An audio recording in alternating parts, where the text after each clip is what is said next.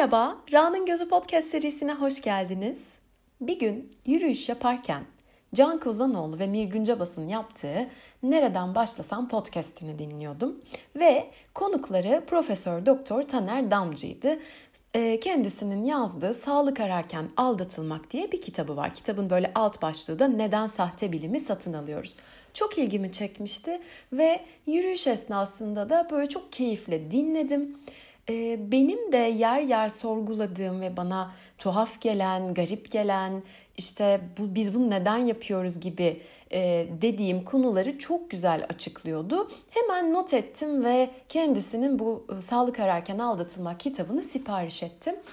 Kitabı e, elime aldığım zaman şey diye düşünüyordum hani sağlıklı beslenme, sağlıklı hayat, ne yiyelim ne içelim gibi bir içerik vardır diye tahmin ediyordum. Bu arada bu içinde var evet ama içine girdikçe bir baktım ki içinde felsefi bakış da var, mindfulness da var, derin düşünmek de var. Yani hayata dair her şeyi bu kitaba yazmış gibime geldi Taner Damcı.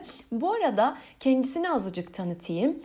Ee, Cerrahpaşa Tıp Fakültesi'nde İç Hastalıkları Anı Bilim Dalı, Endokrinoloji, Metabolizma ve Diyabet Bilim Dalı'nda öğretim üyesiymiş şu anda ve Türk Obezite Vakfı Başkanıymış. Aynı zamanda da çok yönlü bir insan. Mindfulness odaklı sağlıklı yaşam programları üzerinde de çalışıyor. İşte dünyanın değişik bölgelerinde özellikle çöllerde ultramaraton yarışlarına da katılıyormuş. E, bu neden önemli? Neden bunu anlattım? Çünkü e, hani kitabın konusu olan özellikle sağlık konusunda doğru kaynak olması önemli. Yani adamın ya ben bu arada çok kısaca bahsettim. Açıp özgeçmişine baktığınız zaman çok daha detay, çok işte e, yurt dışında neler yapmış, nereden burs almış, nerede hangi eğitimi almış gibi şeyler de var ama ya bu konuda konuşacaksak, sağlıktan konuşacaksak, bilimden konuşacaksak bunun için çok sağlam bir kaynak olması gerekiyor. Referanslarının sağlam, güvenilir olması gerekiyor. Kendini bu alanda bir şekilde kanıtlamış bir insan olması gerekiyor. O yüzden şu anda evet bu konular her yerde, her kendini bilmem ne uzmanı, şu uzmanı, bu uzmanı, iki nefes aldırayım size her şey düzelsin gibi şeyler varken böyle bir referanstan bu bilgileri almak benim için çok kıymetli. Ee, aynı zamanda başka kitapları da varmış. Bir tanesi Bir Yol Var Mindfulness ile Yaşam Biçimini Değiştirmek. Diğeri de Koşuyorum Öyleyse Varım. Ben bunları listeme ekledim. Henüz okumadım. Ee, ama okumayı da düşünüyorum. Çünkü bu kitabını çok sevdim. Anlatma tarzını çok sevdim. Örneklerini çok sevdim. Bir konuyu çok yönlü ele alma şeklini de çok sevdim. Şimdi bu arada bunları listeme yazdım ben bunları okuyacağım falan diyorum da kendime de koyduğum bir kural var. Yılbaşına kadar kitap alışverişi yapmamak gibi e, kendimi zor tuttuğum bir kuralım var. Çünkü daha önce çok bahsetmişimdir.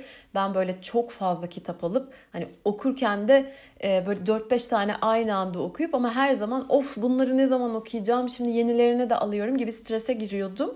Neyse bakalım şu anda e, elimdekileri bitirip ondan sonra sipariş verme gibi çok ütopik bir hedefim var ve bu hedefim durdukça benim alacaklarımın listesi de acayip hızlı bir şekilde kabarıyor. Bunu ne yapacağım bilmiyorum. Yani neyse. Sanırım bu bölümün konusu bu değil. Ben bunu başka bir bölümde kanepeye uzanarak size belki anlatırım. Şimdi kitapta dikkatimi çeken bölümlerin üzerinden geçeceğim. Böyle biraz karışık olabilir. Oradan buradan e, çizdiğim şeyleri karışık sırada yazmış olabilirim. Oraya takılmayalım. Ben başlayayım bir ucundan. Atalarımızın yaşamlarına öykünüp onların daha sağlıklı olduğuna inanmak pek çoğumuzun içine düştüğü, düşürüldüğü romantik bir tuzaktır diyor. Ee, yani bunun üstüne aslında çok konuşabilirim ama yani e, zaten devam edeceğim notlarıma. Bu özellikle işte ne varsa eskilerde var gibi bir nostaljik bir yaklaşım var birçok alanda. İşte taş devri diyeti yapalım. Onlar böyle besleniyormuş, şöyle yapıyormuş falan. Neyse devam edeyim. Taş devri diyetini savunanlar bunu evrimle açıklıyor. Yazar da diyor ki evrimi kanıt olarak öne sürecekseniz cımbızla seçip sadece işinize gelenleri söyleyemezsiniz. Çünkü evrim bütünsel ve son derece karmaşıktır. Peki e, burada da şöyle bir soruyu soruyor. Bunu düşünmemizi e, öneriyor. Biz niye besleniyoruz? ya da biz neden sağlıklı beslenmek istiyoruz? Atalarımız neden besleniyorlardı? Bize bakacak olursak biz bu dönemde uzun yaşamak, kanserden, kalp hastalıklarından ve benzeri kronik e, hastalıklardan korunmak, güzel görünmek, enerjik hissetmek ve hatta mutlu olmak için sağlıklı beslenmek istiyoruz. Ama atalarımız hayatta kalabilmek için, o günü atlatabilmek için, enerji toplayıp yürümek, koşmak, avlanmak için besleniyorlardı. Ortalama 30 yıl yaşadıkları için de zaten az önce saydığım hastalıklara yakalanmak için pek de zamanları yoktu. Geçmişte sık sık açlık ve kıtlıklara maruz kalan insanın yaşamda kalmasını sağlayan yağ depolama ve enerji saklama yeteneğini arttıran genler bugünkü bolluk koşullarında şişmanlık, diyabet, kalp damar hastalıkları ve kansere zemin hazırlıyor diyor. Yani geçmişte bizim için iyi olan şu anda böyle olmak zorunda değil. Az önce bahsettiğim e, ama biz öyle evrimleştik açıklaması bu noktada yetersiz kalıyor.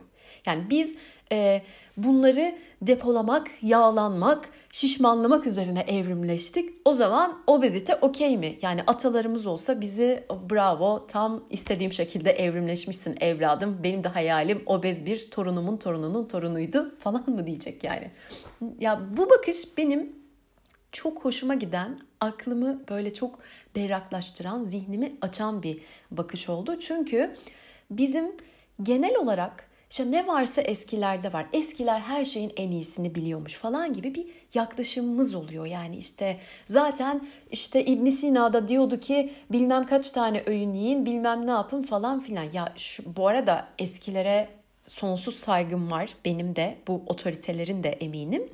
Yani bir şeylerin başlangıcını e, böyle adımlarını atmış olmak, e, işte köklerini oluşturmak falan çok değerli, çok güzel. Biz zaten hayatın tüm alanlarında o adımları ilk atanların üstüne bir şeyler yapıp yaratıyoruz, e, geliştiriyoruz. Ama yani sonuçta az önce söylediğim gibi geliştiriyoruz.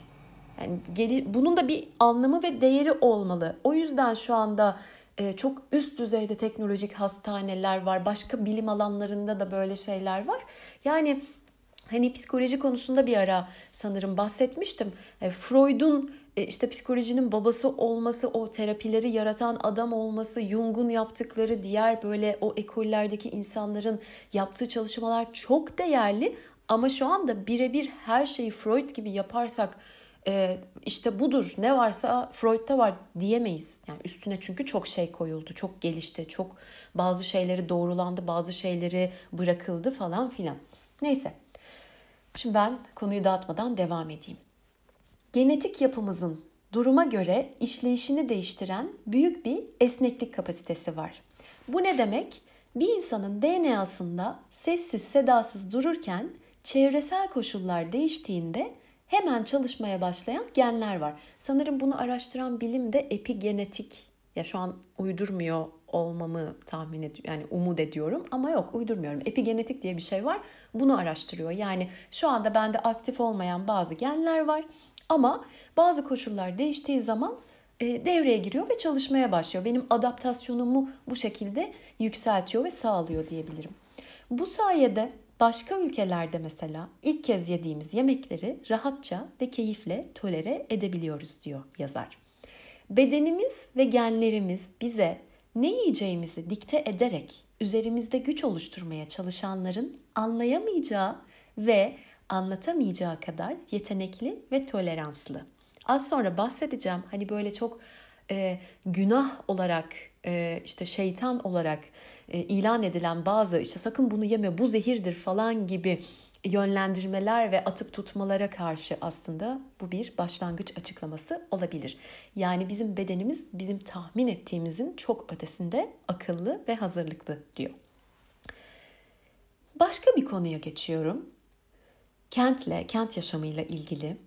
Diyor ki kenti ve kent yaşamını sağlık sorunları için günah keçisi ilan etmek hem kente hem de kendimize yapılmış bir haksızlıktır.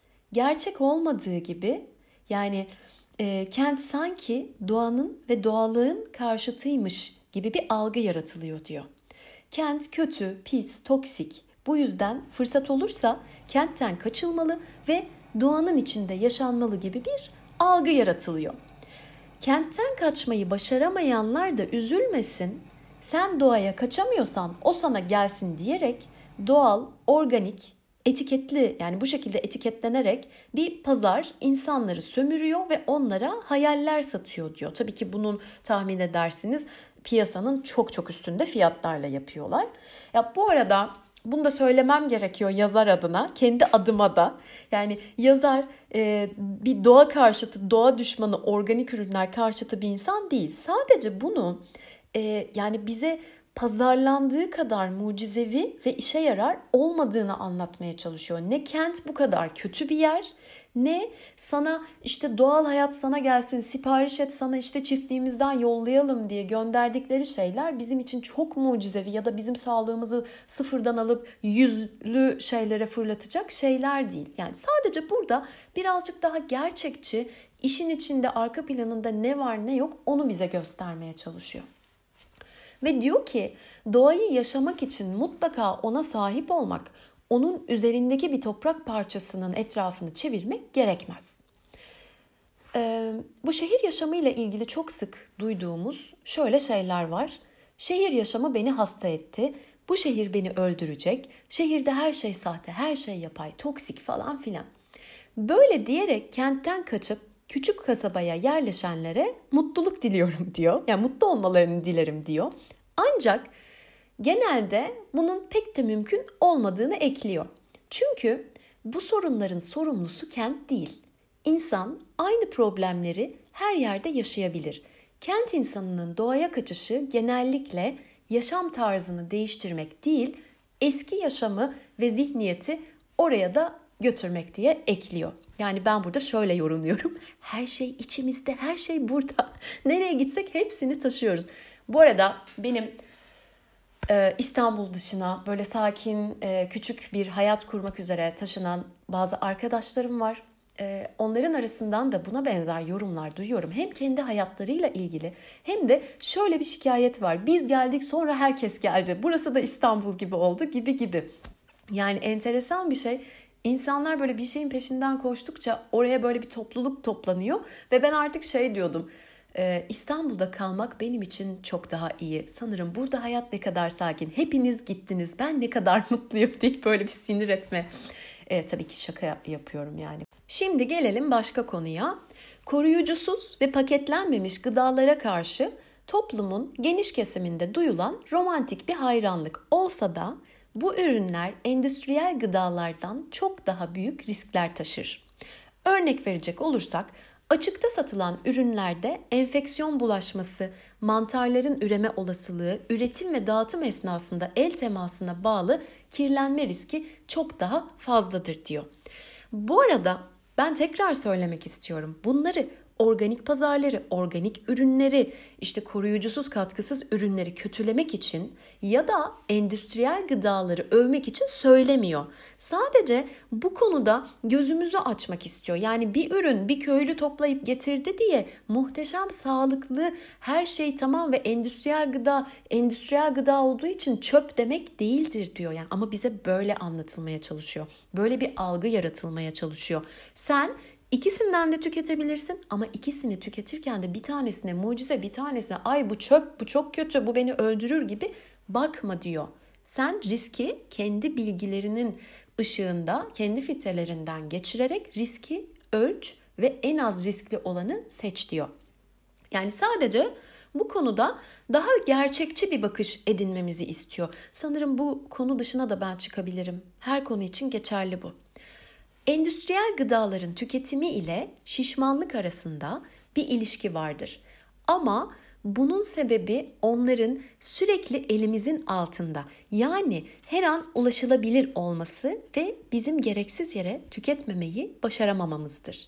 Bunun çözümü ise çözümü ise endüstride değil kendimizdedir.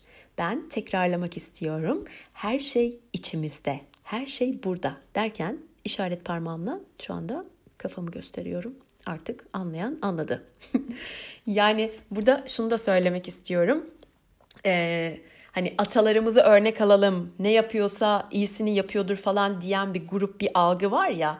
Ben de demek istiyorum ki sadece atalarının böyle kırmızı etle beslenmesini falan örnek alacağına bu kısmını da örnek al. Yani atalarının süpermarkete gidip bir sürü şey doldurup elinin altında tutup kekler, börekler, çörekler yapıp dolabı doldurup her böyle aklına bir şey geldiğinde gelmediğinde aç mı tok mu düşünmeden elinin altındaki her şeyi yediğini düşünmüyorum. Örnek alacaksak bu kısımları da alalım. Yani bu konuda nasıl durduğunu da. Şimdi gelelim benim kitapta böyle aa bunun bir adı mı varmış diye şaşırdığım ve aydınlandığım bir konuya. Şimdi healthizm diye bir ım, akım var. Bunu Türkçe'ye direkt çevirirsek sağlıklılık takıntısı, sağlıklı olma takıntısı diye çevirebiliriz ama yani aslında tam da karşılamıyor. Healthizm diyeceğim ben. Çünkü bunun temsilcileri de healthist oluyor. Bu healthist diyorlar bu akımın savunucusu ve bunu sahiplenen insanlara. Kimdir bu healthist? Çok yüksek sağlık beklentileri olan bu konuda sürekli yeni bilgiler arayan ve duyduğu, okuduğu her şeyi kendine yansıtan, uygulayan kişiler.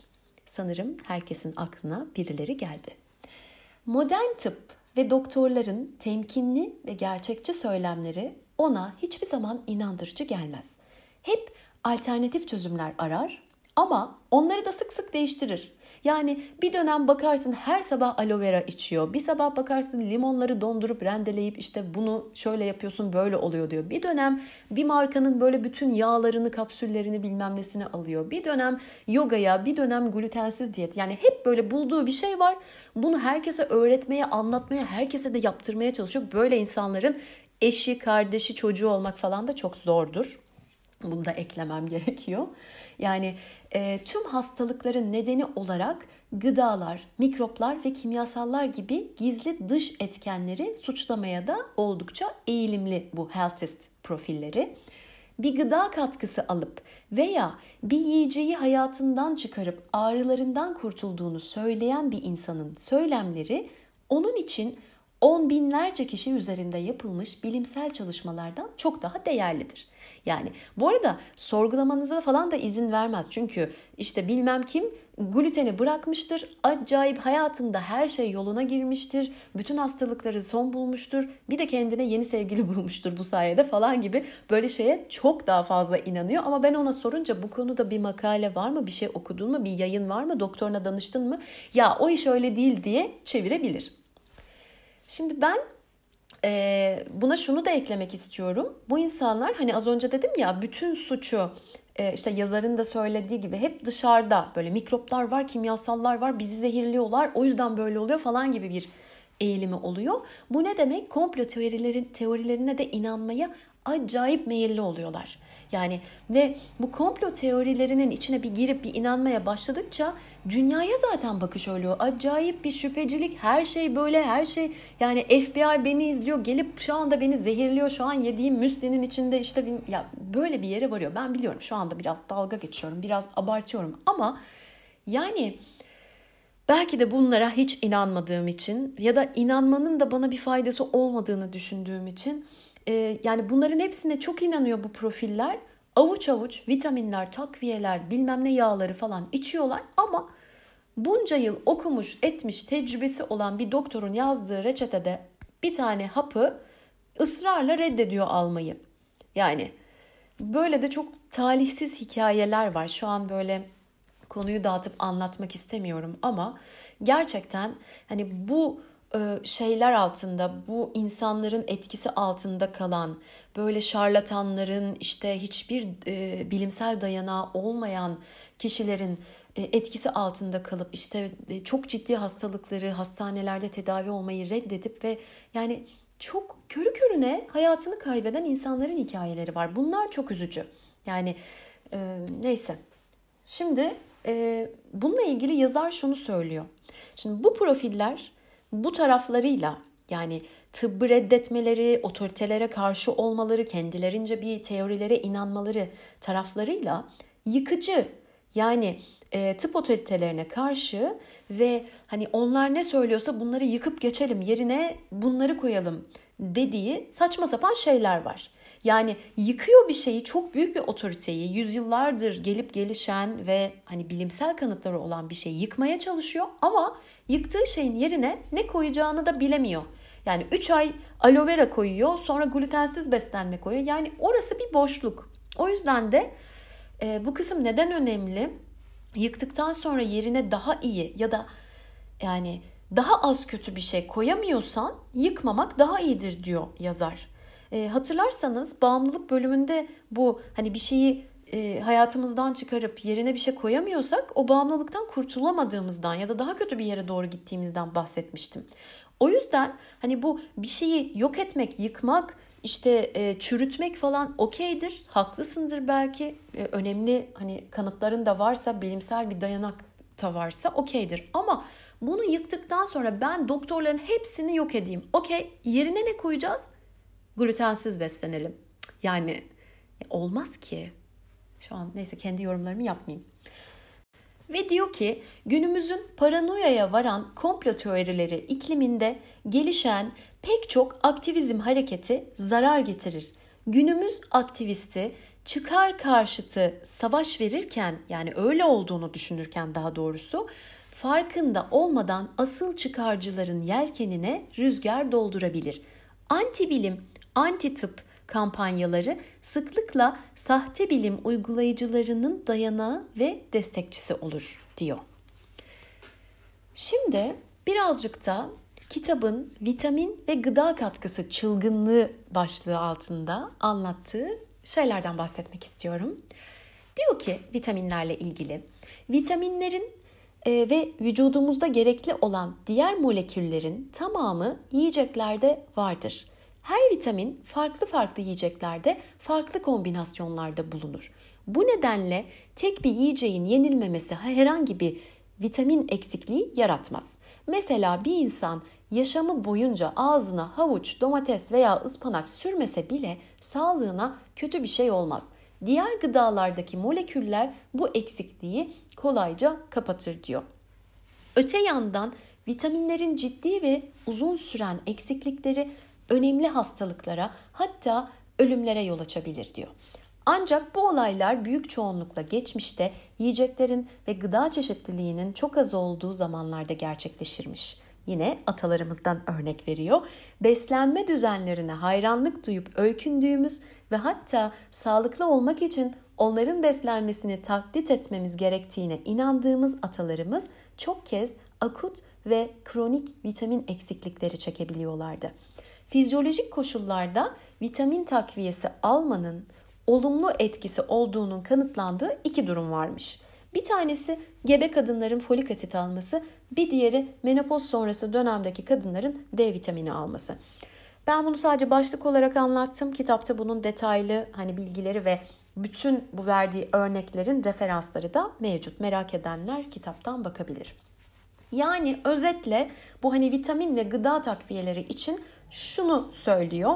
Tespit edilmiş net, bariz bir vitamin eksikliğiniz yoksa, özel bir durumunuz ya da hastalığınız yoksa, çeşitli gıdalarla da besleniyorsanız ek bir vitamin ya da gıda takviyesine ihtiyacınız yok diyor.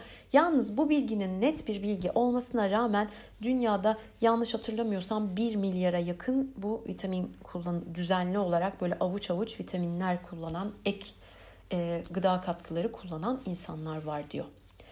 Ve şimdi geldik yine kitabın başlıklarını da ben çok sevdim. Mesela bu bölümün başlığı güncel bir şeytan çıkarma uygulaması glutensiz beslenme. Çok güzel ya.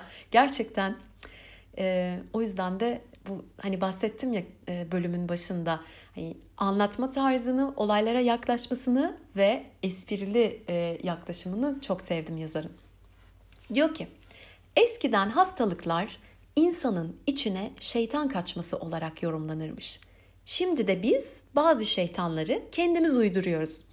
Bu şeytan her şeyin sebebi olarak gösteriliyor. Ruhsal, fiziksel, zihinsel tüm sorunlarımızın sebebi ve şeytanın maskesinin düşürülmesi, şeytanın yasaklanması, ondan kaçmamız gerekiyor.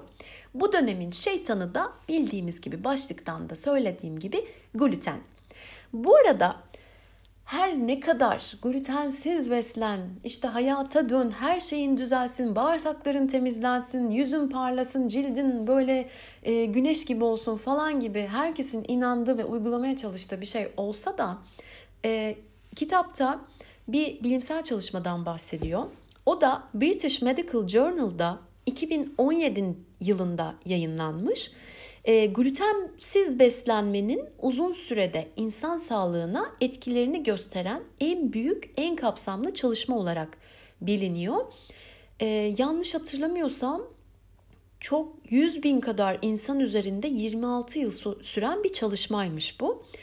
E, Sonuçları ben şu an detaylı paylaşmayacağım. Bunlar da kitapta var. Yine referans gösterdiği kaynakta da var. Ama e, kısaca glutenli beslenenlerin sağlık durumu bu araştırmada glutensiz beslenenlere göre daha iyi çıkmış. Özellikle kalp krizi e, geçirme riski açısından.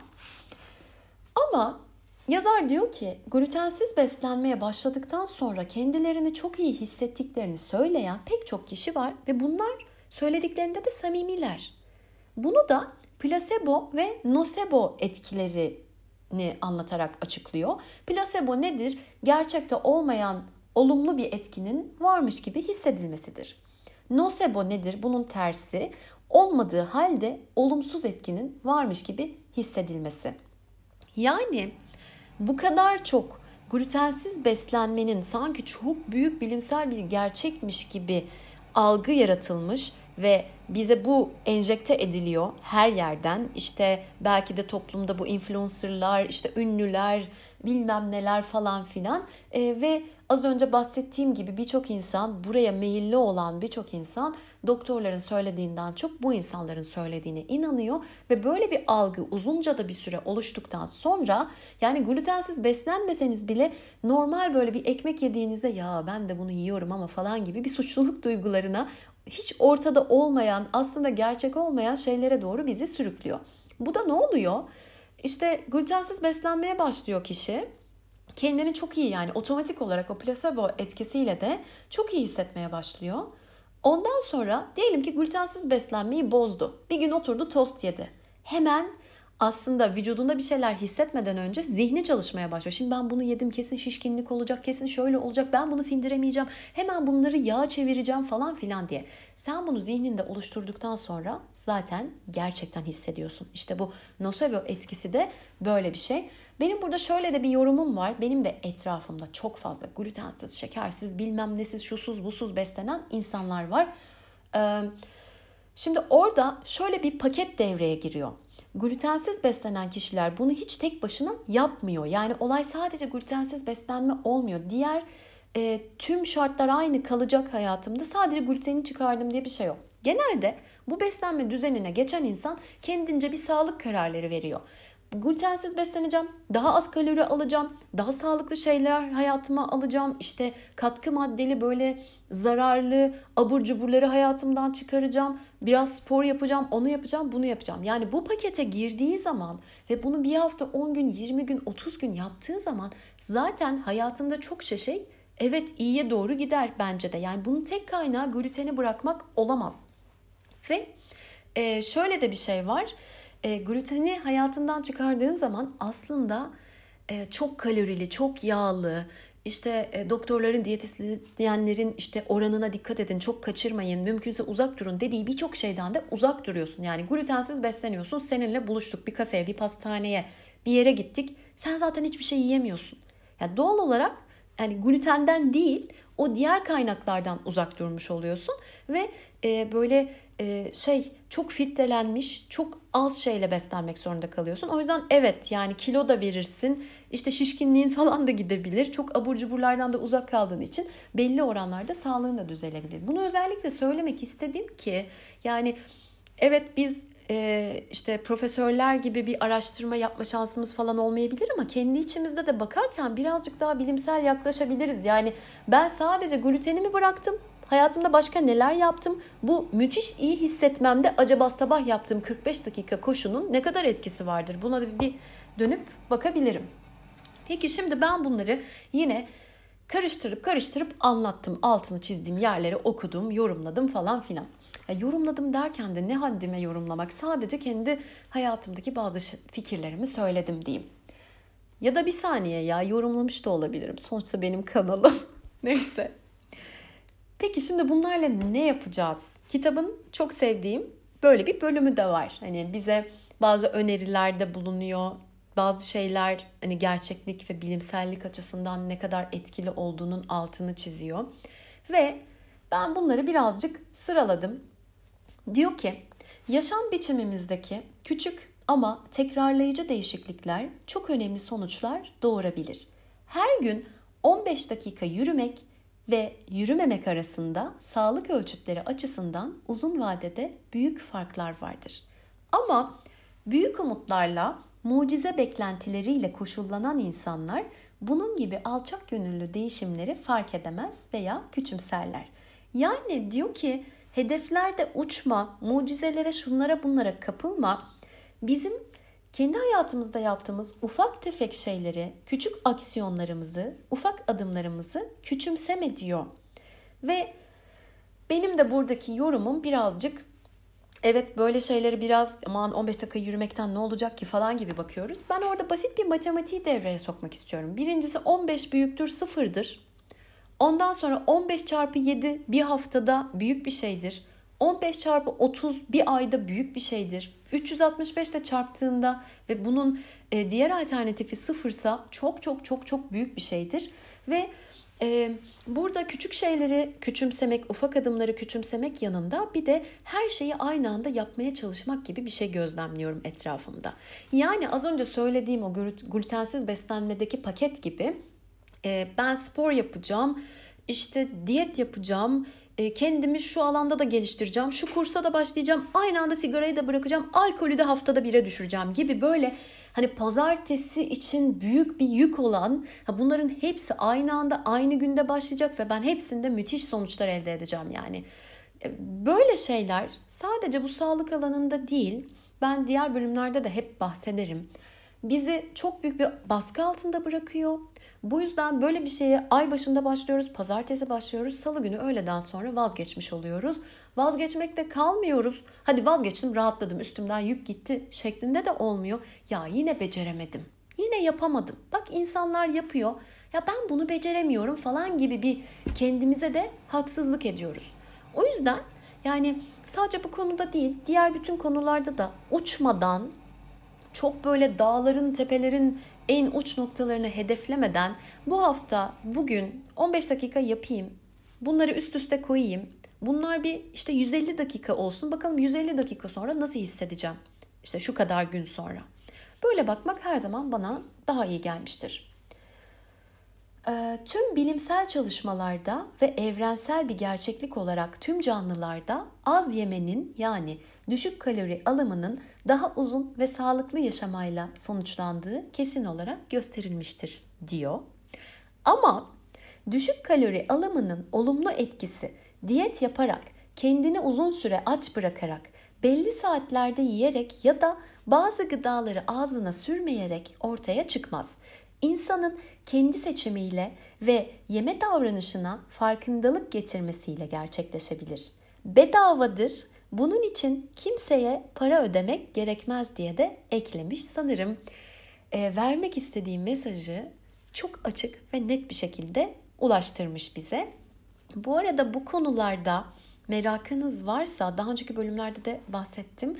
Kızgın Şef diye bir kitap var. Anthony Warner'ın bu konuları o kadar güzel anlatıyor ki bu e, diyet mitlerini işte besinlerle ilgili şöyledir böyledir dedikleri şu zehirdir bu mucizedir dediği şeyleri o kadar güzel e, yine referanslar vererek anlatıyor ki o yüzden bu Kızgın Şef kitabını çok beğeniyorum. Bir de Ra'nın Gözü Podcast'te bir sezgisel beslenme bölümü var. Yine buna meraklı olanlar, hani bu peki nasıl yapacağız, nasıl kendimize göre doğal besleneceğiz diye merak edenler ve henüz dinlemeyenler o bölümü dinleyebilir. Yiyeceklerimiz ne zehir ne de mucizedir. Yani şekersiz ve glutensiz beslenerek bu dünyaya kazık çakma ihtimalimiz olmadığı gibi bir dilim cheesecake yedik diye de dünyanın sonu gelmeyecektir. Bu benim söylediğim bir şey. Yazar bundan bu şekilde bahsetmiyor. Hani kazık çakmak ve hani işte dünyanın sonu gelmesi cheesecake sonrasında benim kurduğum şeyler. Çünkü böyle düşünüyorum gerçekten. Yani hani biz öleceğiz.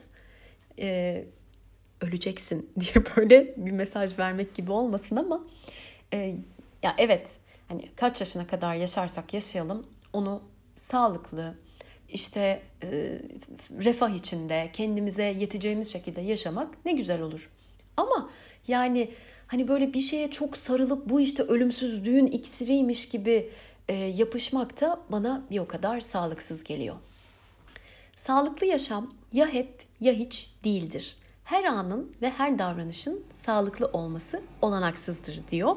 Bunu da şu şekilde formülize etmiş. Hayatımız eşittir sağlıklı artı sağlıksız artı nötr davranışlarımız. Ve burada bizim hedefimiz yüzdeleri dengelemek olmalı. Bunların yüzdeleri önemli. Sağlıklının yüzdesinin, onun oranını yüksek tutmak. Örneğin işte aç olmadığın halde yemekten vazgeçtiğin her yiyecek, asansör yerine merdiveni her tercih edişin senin sağlıklı davranışlarının sayısını arttıracak. Sen bunları arttırdıkça nötr davranışların ve hadi yani ben böyle çok sağlıksız demek istemiyorum ama yani aşırı sağlıklı olmayan bazı davranışların ve tercihlerinin de tolere edebilecek çok akıllı bir vücuda sahibiz. Şimdi burada bir de bize bir anahtar vermiş. Anahtar sabır ve tekrar diyor. Bunu bence sağlık dışındaki tüm konulara da kullanabiliriz. Az önce verdiğim 15 dakika yürüyüş gibi. Yani bu özellikle sahte bilim satanlara, şarlatanlara kanmamızın bir sebebi olarak da sabırsızlığımızdan bahsediyor Taner Damcı. Çünkü şey istiyoruz hani 3 gün kullanayım 4. gün böyle süpermen olayım falan gibi. Böyle beklentilerimiz var ama bu verdiğim yürüyüş örneğindeki gibi 15 dakikanın senin vücudunda çok iyi etkilerini görebilmek için uzun süre tekrar etmen gerekiyor. Bunu gerçekten hayatına alman, monte etmen ve artık onunla birlikte gitmen gerekiyor. Sabretmen gerekiyor hayatımızda aslında diğer birçok konuda da böyle diye düşünüyorum. Ve diyor ki sana kim mucize vaat ediyorsa ondan uzak dur. O ürün olabilir, insan olabilir, doktor olabilir. Bu arada bunun da bir altını çizeyim. Bunu yapan herkes işte diplomasız, cahil falan demek anlamına gelmiyor. Bazı mesleklaş, meslektaşlarını da bu konuda eleştiriyor. E, yani tıp okumuş, uzmanlık yapmış, başka seviyelere gelmiş ama yine de işin bu tarafını seçen ve e, çok dayanağı olmayan şeyler üzerinden bir ekonomi yaratan doktorlar da var. Burada yine iş bizim sorumluluğumuza geliyor. Yani ne yapacağız? Dikkat edeceğiz. Ve diyor ki iyi doktorlar asla kahraman rolü oynamazlar. Kendilerini övenlerden, sürekli yaptıklarını anlatanlardan, sosyal medya sayfalarında kendisinin ne kadar harika ve başarılı biri olduğunu anlatmaya çalışanlardan uzak durmak iyi olur diyor. Ee, şimdi buradaki doktor kelimesini ben çıkarayım yerine herhangi bir insan diyeyim. Bu cümle gayet yerine oturur. Şimdi geriye gidip tekrar o şekilde dinleyebilirsiniz. Yani sahte kahramanlardan uzak durmak, onları tespit etmek, bize mucize satmaya çalışanlardan bunu kullan her şey çözülsün diye bir ürünü önümüze koyanlardan uzak duracağız. Ee, bu ürünü kullanacaksın ve her şey harika olacak dediklerinde kaçacağız. Yani kesinlikle bu büyük bir yalandır ve nettir diye kendimizi eğiteceğiz. Ve burada bir yardımcı sorumuz olabilir diyor.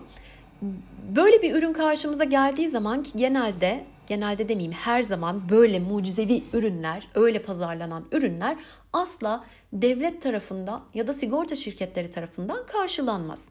Ve ben şöyle sormalıyım diyor. Bu ürünü neden devlet ve sigorta şirketleri satın almıyor da bireysel olarak bana satılmaya, pazarlanmaya çalışılıyor?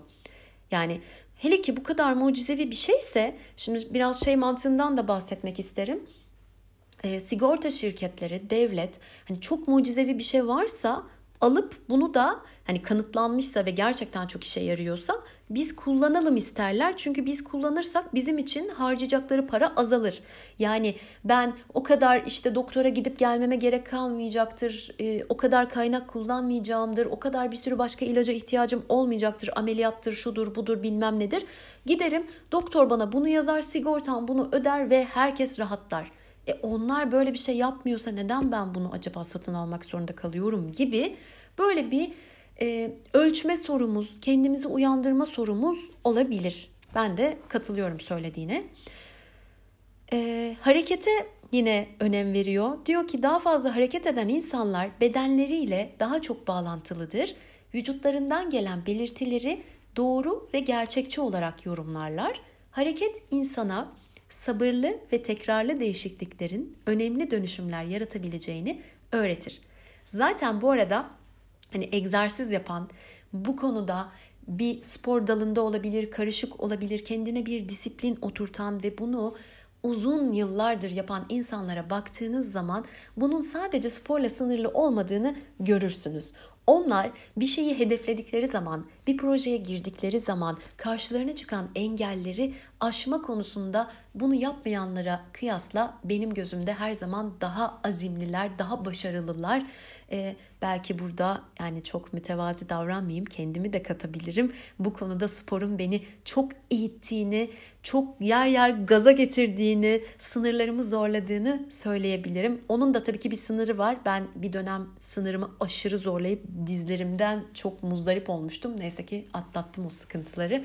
Ama yani burada Taner Damcan'ın da söylediği gibi fiziksel yorgunluk ve insanın sınırlarını zorlaması gelişmenin temelidir diyor.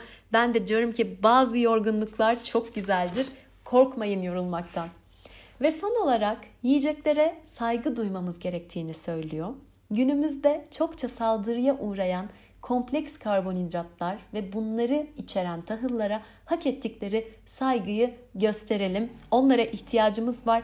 Onlar zehir, şeytan ya da canavar falan değil. Bunu kabul edelim ve onlar olmadan sağlık kalitemizin düştüğünü de öğrenmemiz, hatırlamamız lazım. Bilmiyorsak da utanmayalım bundan. Açıp bilimsel kaynaklara bakalım. Onun bunun bunu bıraktım, şöyle oldu, böyle oldu gibi şeylerine kapılmayalım diyor.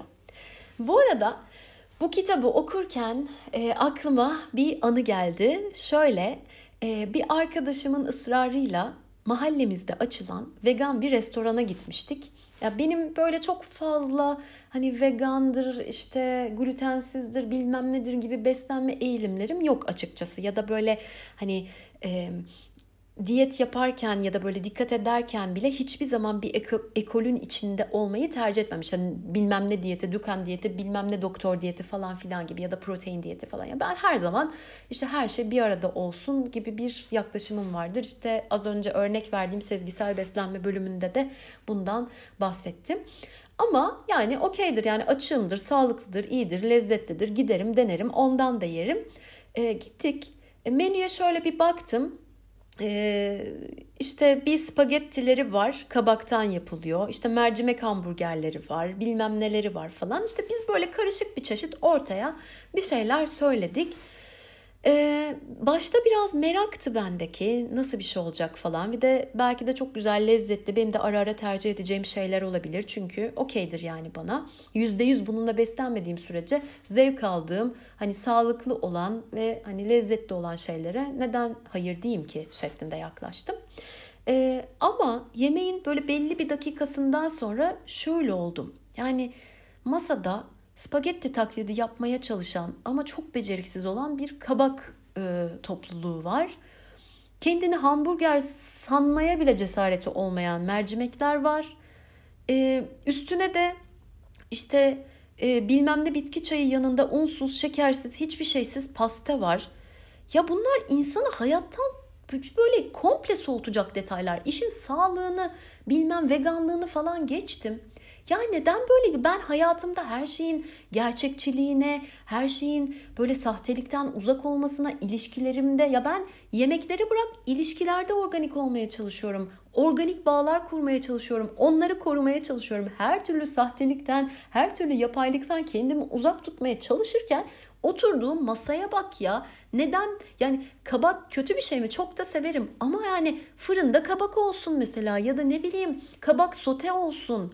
Ya da hadi çok sınırlarımı zorlayayım. Kabağı yani rendele ben çiğ kabak yemeye zorlayayım kendimi. Ama bir kabak spagetti taklidi yapamaz yani. Kabak için de çok üzücü bir durum. Yani sen şey diyorsun seni olduğun gibi kabul etmiyorum ya. Sen ancak makarna kılığına girir, girebilirsen seni yerim. Mercimek ne kadar severim ya. Yani sadece haşlayıp bir salatanın üstüne koyduğum zaman bile ya burada birazcık üstüne de tahinli sos gerekebilir eh, benim açımdan. Ama ne kadar güzel bir şey. Neden ben onu sıkıştırıp hamur haline getirip böyle hamburger köftesi gibi göstermeye çalışayım ya. Çok çok ayıp. Ayrıca unsuz, şekersiz, hiçbir şeysiz pasta nedir Allah aşkına ya? Yani ya bu kadar pasta yemek istiyorsan git haftanın bir günü, ayın bir günü neyse yani hani sana uygun olan şey git bir dilim pasta ye ya gerçekten ölmezsin. Ben sana yazıp imzalayıp garanti de verebilirim. Yani ama Allah aşkına ya hurmalıyı işte suyunu çıkarmışlar. Birazcık daha şekeri alınmış böylece böyle püre haline getirmişler. Üstüne iğrenç ne olduğu belli olmayan bir sürü şey karışmış. Ve bunu pasta kalıbına koydular diye pasta diye söylüyorlar ve buna inanarak yiyorlar falan. Şimdi ben kendimi durdurmamın zamanı geldiğini düşünüyorum ama gerçekten yani ilk ve son gidişim olmakla birlikte şey demiştim yani hani böyle bir şeyin içinde olamam. Asıl komplo bu ya. Asıl birileri yani CIA midir, FBI midir ya da başka bir şey midir? Beni burada izliyor ve muhtemelen benimle dalga geçiyor. Bakın nasıl da gaza geldi, nasıl da gerçekten şu an bir sofrada oturup yemek yiyormuş gibi hissediyor diye. Neyse bölümü burada bitireceğim. Bu arada ben bu bölümü yapmayı zinhar düşünmüyordum. E, çünkü bu podcast'in konuları genelde bildiğiniz gibi başka başka alanlar ama bu kitabı çok sevdim ve Instagram hesabımda paylaştığım zaman Oradan bana işte bunun bir bölümü olur mu diye soran insanlar oldu. İlk soran da Canan'dı. Canancım sen bana gerçekten bu bölümü yapmak için ilham verdin. Umarım gerçekten faydalı olmuştur. Benim çok yani bana çok ışık tutan ve çok beni rahatlatan bilgiler oldu. Dediğim gibi Taner Damcı'yı da bir yazar olarak çok sevdim. Diğer kitaplarını da okumak istiyorum diyerek bu bölümü burada bitiriyorum. Sonraki bölümlerde görüşmek üzere. Hoşçakalın.